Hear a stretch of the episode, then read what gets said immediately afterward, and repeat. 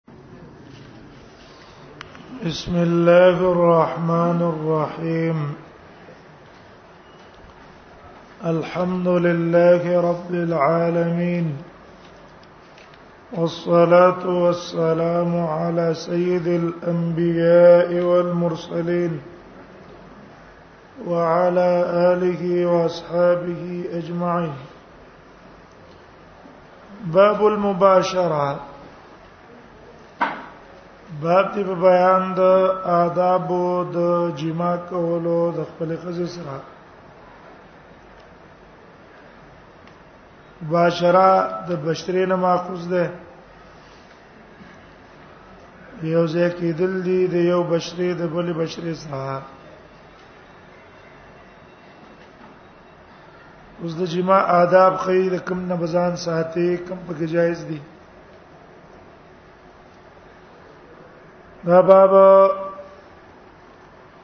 مشتمل له په 15 احادیثو او د ټولو احادیثو رجعه ده 15 مسائل ته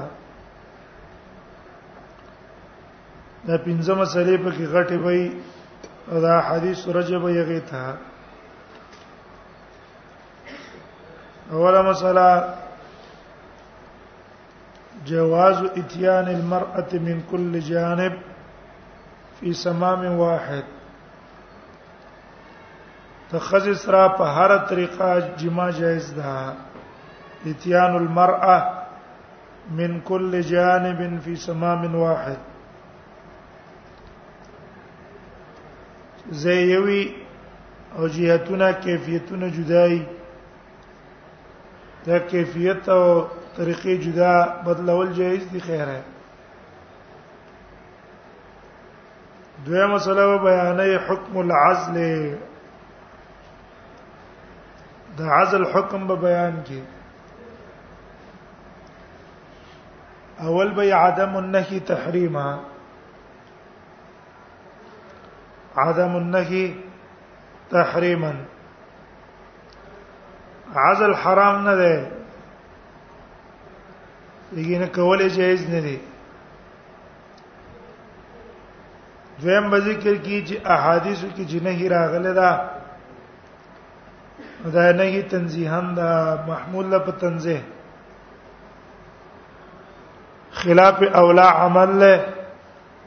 خو شرعا عزل کول جایز دي حرام نه دي دریا مسله په عدل کې بیان کی عدم الفائده فی العزل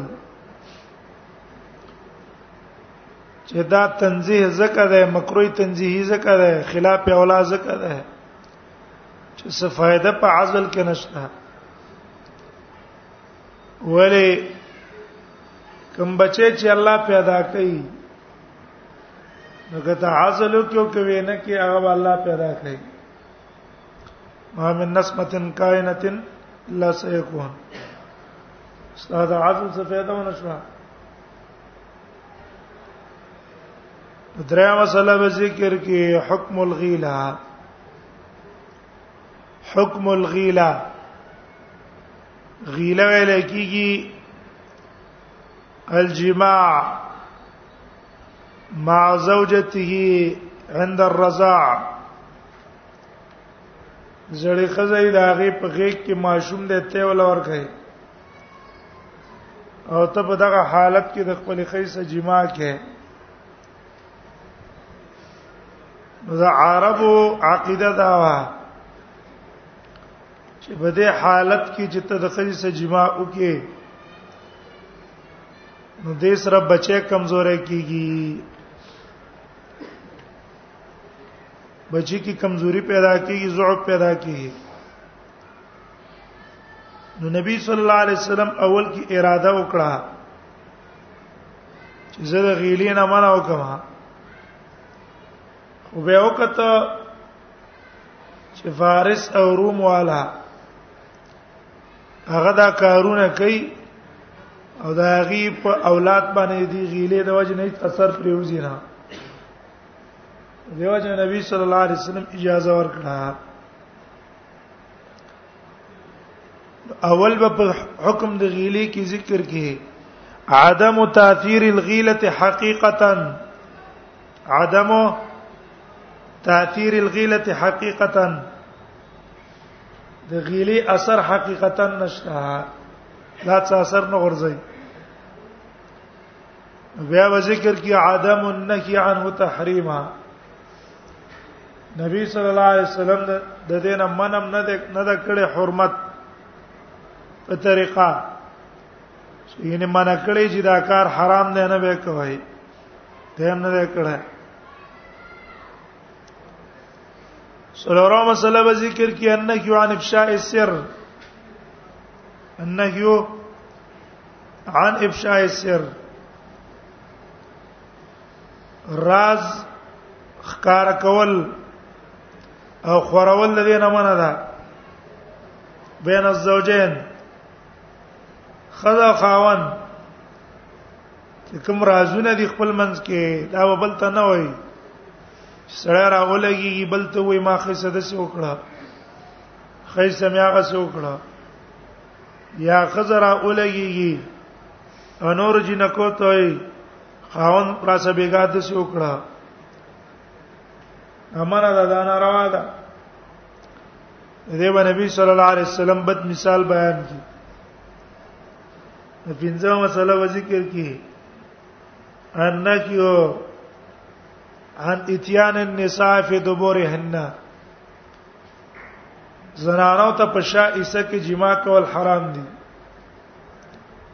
زړه را اولګي د خپل خزې سره شایسته کې به جما کوي دا جما د خپل خزې سم حرامه ده او د بل څه په طریقې ولا باندې حرامه ده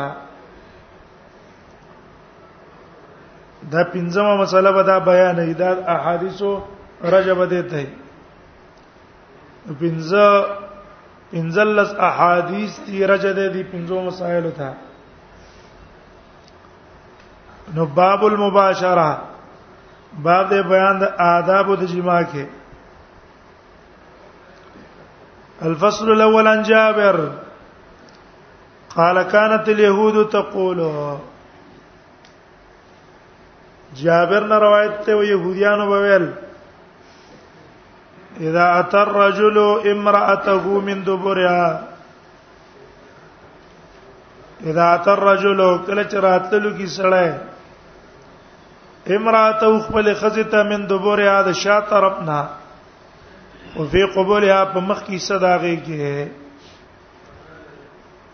انا د خپل خځې سره جما او کې لکه د حیواناتو په شان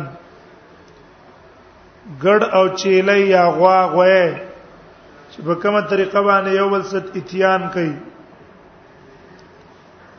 نو په دې طریقه باندې سره راتللو کې خپل خځې ته راتللو کو زه اومغه یو ده خو هيئت او طریقې بدل کړه کان الولد احول نیو بچي احول پستر غوانه کان ہے ورې دې چې مان چې بچي وشي دا بچي پستر غوانه کان ہے وجداد چې واتی کیفیت او طریقه بدل کړه کیفیت بدل کو طریقه بدل کړه دا کیفیت د بدلولو د وجه نه بچې بکانه پیدا کی فنزلت د آیات راغه نساؤکم حرث لکم زنان استا سفصل له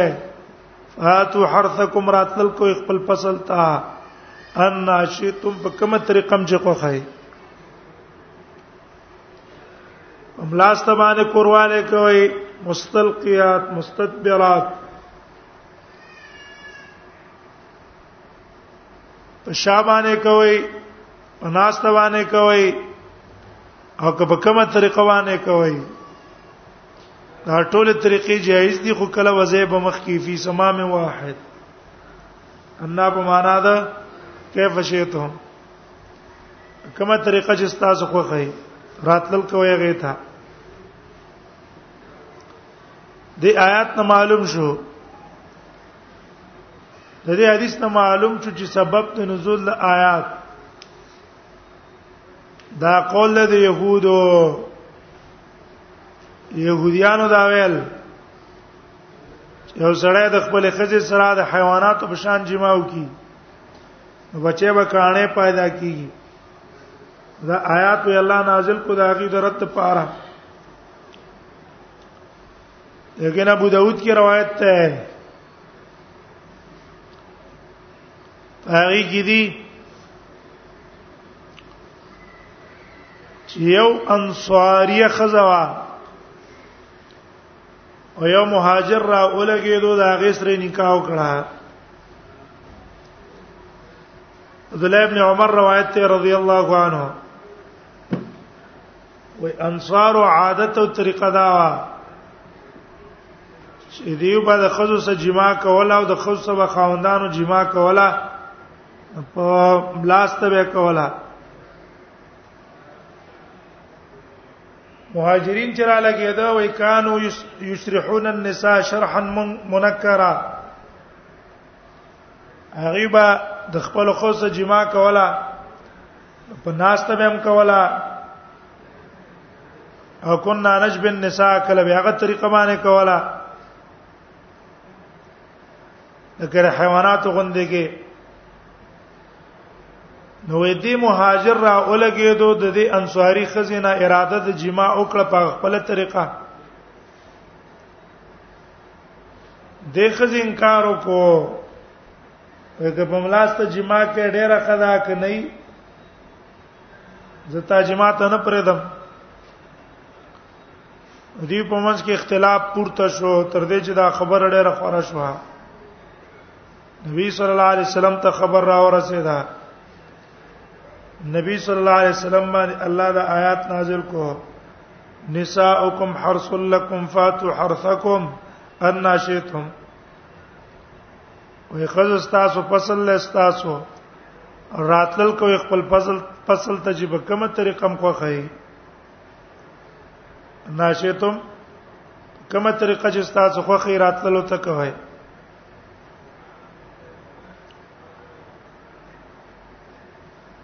غور دا آیات نه معلومیږي چې سبب د نزول د آیات دا حدیث د عبد الله ابن عمر چې امام ابو داود راوړی دا غینه معلومیږي چې سبب د نزول د آیات د اختلاف د انصاری او د مهاجر او دې روایت ته شیخین نه معلومیږي چې سبب د نزول د آیات قول له د يهودو تطبیق دا ده چې دا دواړه سبب د نزول د آیاتونو دي اوس مفسرین اختلاف په اړه وایي چې د حدیث کې نه پکړه وایي چې دا سبب دی بل سبب نه دی او دا عبدالله ابن عمر په حدیث کې ویل وی چې دا سبب دی بلې سبب نه ده نو کله کله واقع ډیر وشي یو بل ته قریب آیات ته ټولو بارکه نازل شي یو راوی یو واقع یاد کی چې سبب د نزول د آیات ته پلان کې واقع وا بل راوی د غبل واقع یاد کی چې سبب د نزول د آیات د پلان کې واقع وا او حال دار چې دواړه یا درېواړه سبب د نزولې او حدیث د باب المباشرت سره مناسبت ښکاره ده کله چې د خځې سره جما په قبول کی نو که په هر هيئت او په کیفیت تاسو سره جما وکړه جایز ده سمارات پکې نشته وعنه قال كنا نعزل والقرآن ينزل هم د دې جابر رضی الله عنه نه روایت ده قال دا وی كنا نعزل من بعزل کو والقران ينزل القران په نبی صلی الله علیه وسلم نازلې ده زاد مسلم فبلغ ذلك النبي صلى الله النبي صلى الله عليه وسلم بلغ ذلك النبي ورسېدل دا خبر از موږ نبی سلام ته هم چې صحابه د خپل خود سره عزل کوي الم ينهنا نبی صلی الله علیه وسلم موږ منع نکړو حدیث مناسبت مباشرت صدا ده یو سړی را اولګي د خپل خځې سره عزل کین او عزل جایز نه عزل وای څه تا عزل ویل کیږي د ته چې سړی د خپل خځې سره جما کوي نو چې کله انزال کیږي په وخت د انزال کې نطفه بار ته وغورځي دنه رحم ته پرې نه دی دا دې لپاره چې د رحم کې دنه د دینه بچي جوړ نشي دې ته ویل کی عزل وې دا عزل به موږ د خپل خود سره کاو او قران به نازلې دو نو که چرته دا کار ناروا وې الله به په قران کې ته موږ منع کړه نو قران کې مونږ ته منع نه شو دلیل دی د جواز ولی زمانہ د نزول د وحی صحابه دی او ناروا کار کوي او الله دې هغه منع کوي نه په داسې وخت کې چې زمانہ د څه ده د نزول د شرع ده او بیا چې دا بل روایت سواله د مسلم چې نبی سلام ته دا خبره اورسه دا مونږه منع نه کړو دا خو به خکاره دلیل شو د جواز چې هغه تقریر ده تقریر نبی صلی الله علیه وسلم دا عمل نه خبر شوه ده او را دې پنه ده کړه کدا کار ناروا وې نو رسول الله صلی الله علیه وسلم به پیرت کړه وې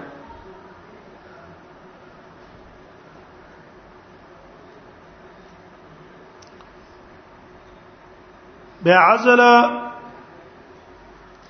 جمهور علما په نسبت باندې جائز ده هم بعض علما نه قول د کراهت نقل لای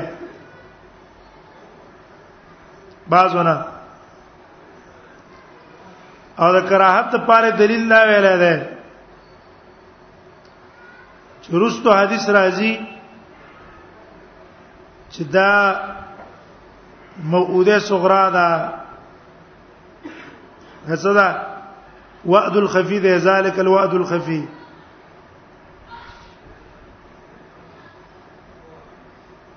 لیکن راجح قول جواز هم بیا د انجن عزل جائز ده په غیر د اذن دا غینا هغه پر رضا یو که رضا نه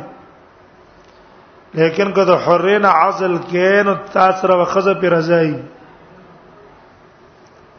خزه به تاسو په دی باندې رضای پر رضا د خزه باندې به عزل کې خزه رضا نه وا به عزل جائز نه دی وجه دا ده چې جما کې د خزه حق شته دارنګ به بچو کې هم داغه حق ده نو دیو جن به ته داغه نه به اجازه غواړي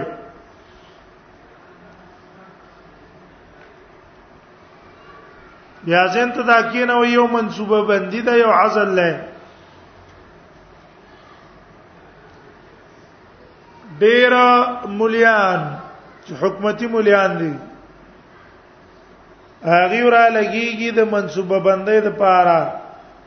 په دې احادیثو د عزل باندې استدلال نسی او دغه سیمولیان له حکومت اسباب ملور کوي لار ملور کوي ځکه حکومت په خپل مشن کې استعمالوي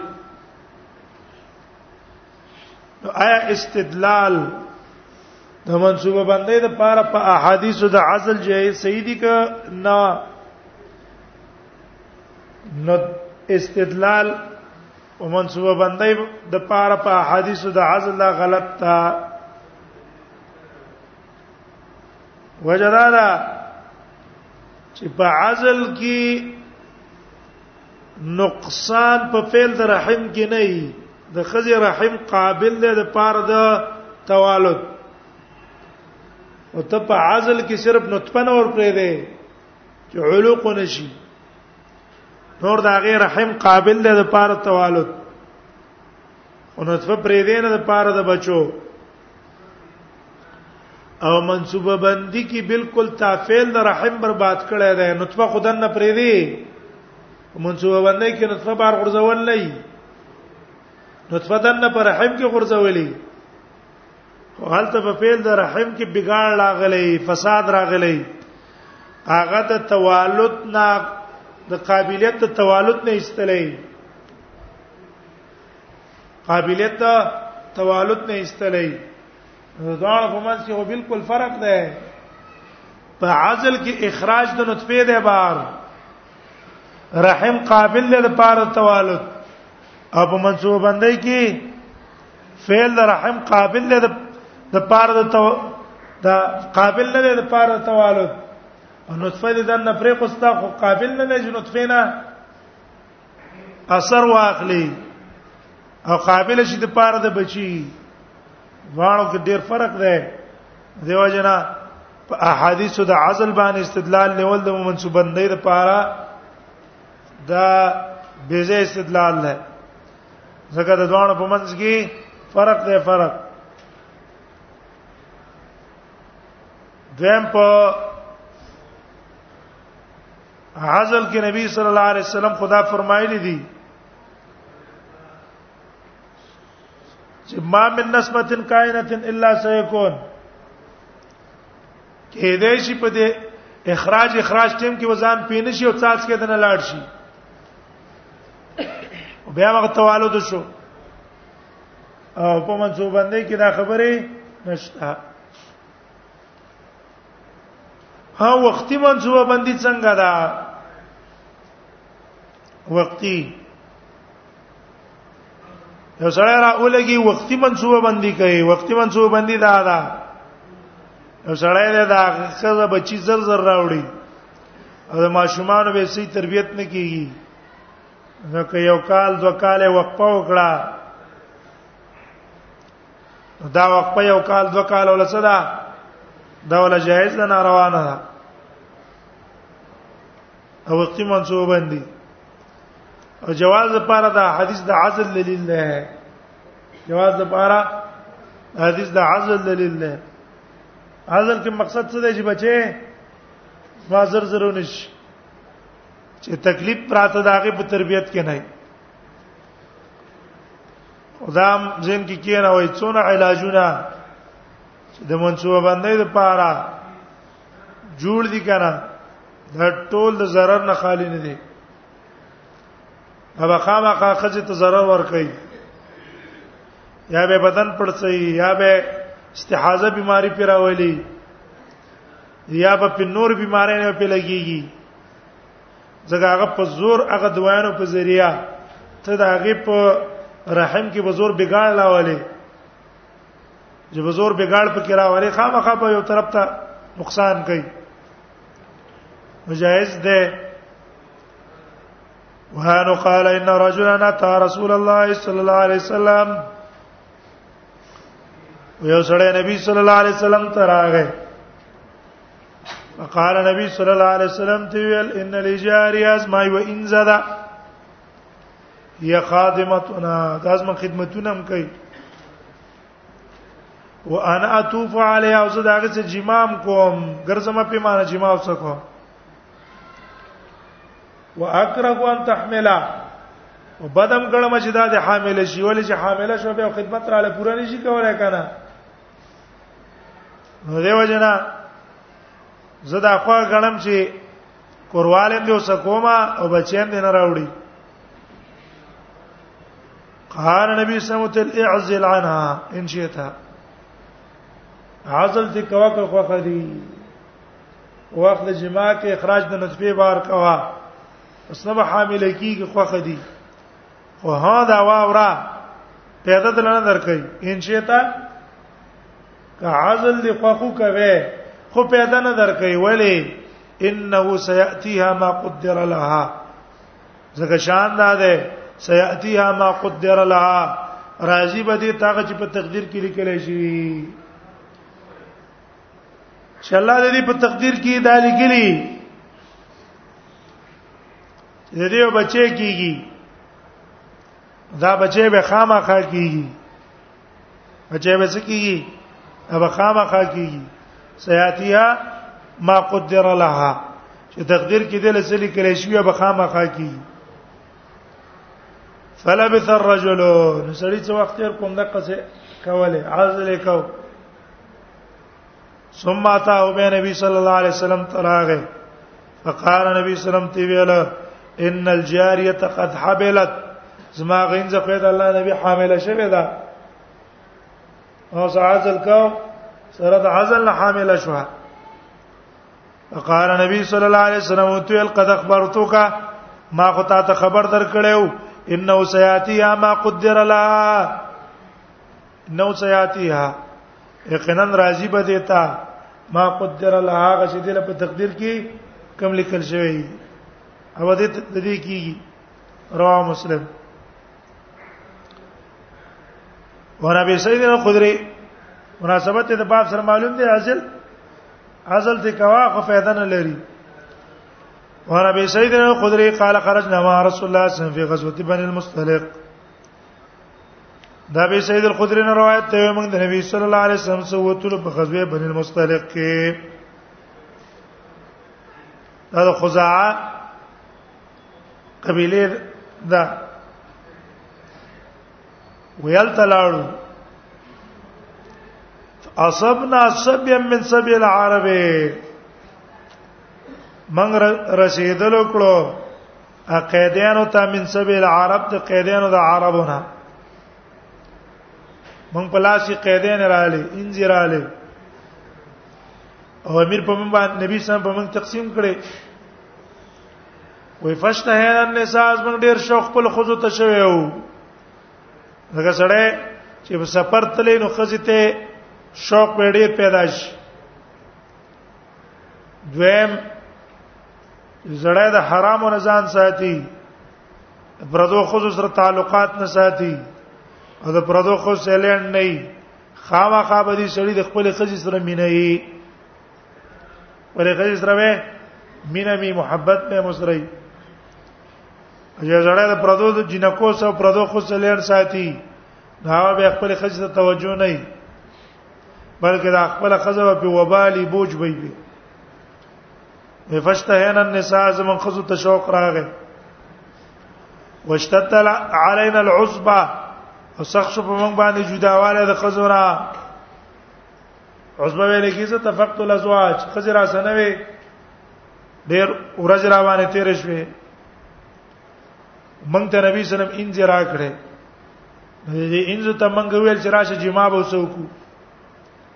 خودلته یریدوک ارادم دا وجه دا انجی به خرچ کو او دا پیسې به په کار باندې راولو دلته خزو ته شوق پیدا شوی همه چې راشه د خز جماو کا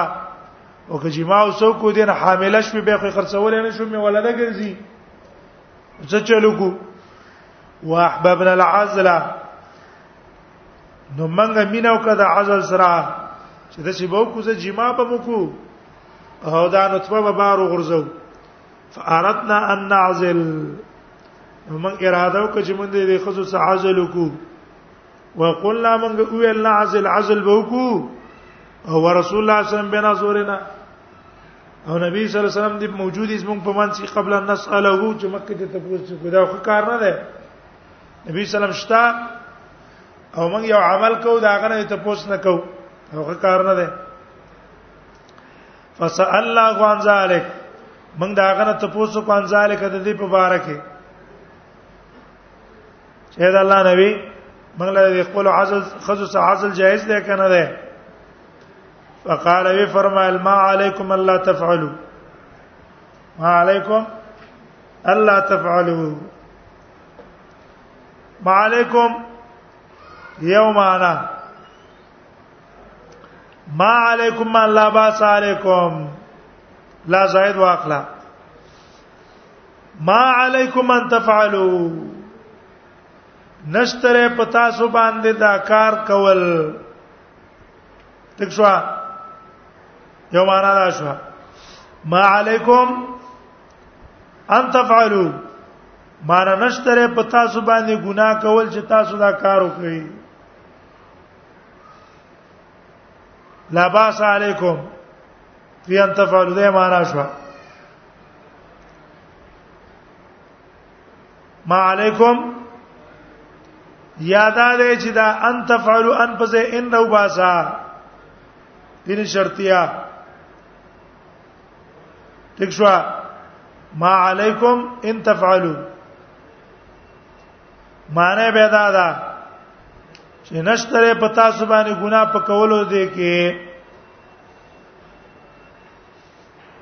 درېو معنا لا خپل والا زائد مگر زوا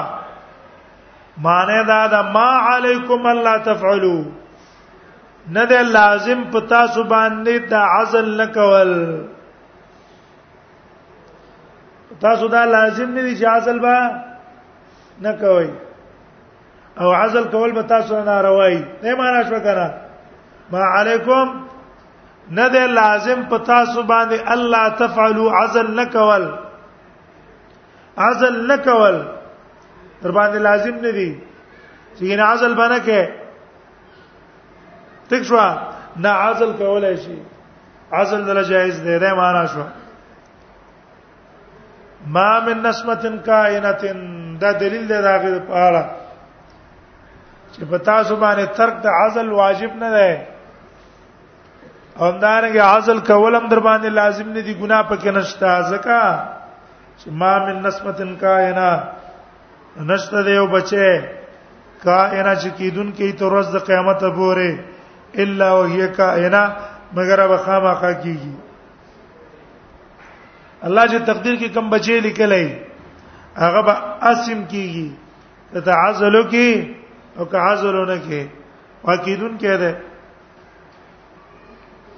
متفقون علیه وعنه قال سئل رسول الله صلى الله عليه وسلم عن العزاء وې د نبی صلی الله علیه وسلم ته پوسو کړې شو په بار د عزل کې د عزل څنګه ده فقال وی فرمایل ما من كل الماء يكون الولد نبی سمې د ټولو نطفه نه خو بچې نه هي د هر نطفه نه خو هر جمانه خو بچی نه کی کنه هر جمانه بچی دا خو چې ته یو کې الله مقرر کی هغه نه بچی وش دا رنګ د ټولې نطفه نه بچی نه په دې نطفه کې په زرهاو جراثیمي په زرهاو هغه زرهاونه یو دانه لاړ شي او د زنانا پر رحم کې بیزه راغلی په حالت د حیض کې مخ کې بیزه مخ کې نه پرتای دا یو لاړ شي هغه بیزه کې نه نوځي دا غیر است الله پاک بچي به شروع کی انسان ته پیدا شي دا په یو ساز کې کې په صلحاو جراثیم دي په صلحاو د ټول نه خو نه پیدا کیږي دنه شي ته وینا پیدا شي واذا اراد الله خلق شيء کله چې اراده وکړي الله تعالی خلق شین پیدا کول دی یو شي لم یمنعه شی نشي منه کوله هغه درڅ شی الله چې اراده وکړي کنه دی یو شي د پیدایش لم یمنعه شی اون نشي منه کوله هغه درڅ شی رواه مسلم وان سعد ابن ابي وقاص ان رجلا ويو سړیو جاء الى رسول الله صلى الله عليه وسلم نبی صلی الله علیه وسلم تراغه نبی صلی الله علیه وسلم ته فقال نبی صلی الله علیه وسلم ته ویل انی اعزل عن امراتی زه خپل خزینه عزل کوم د خپل خزینه عزل کو نو آیا دا کار مال جایز دی کنه قال رسول الله صلی الله علیه وسلم ته لم تفعل ذلك ولې دا کار کې قال الرجل نغسړی ویل اشفق على ولدها زیریګم په بچی بچی داغه یا خو معنا څه ده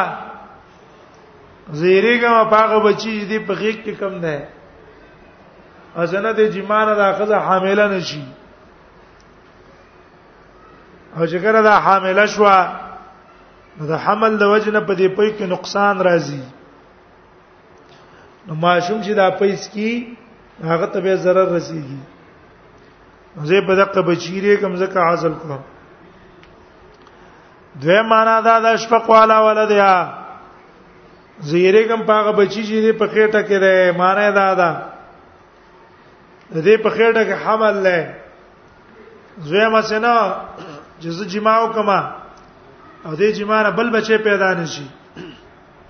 څه دې پیدا نشي بل بچي ته پیدا نشي هغه بل بچي ته پیدا شو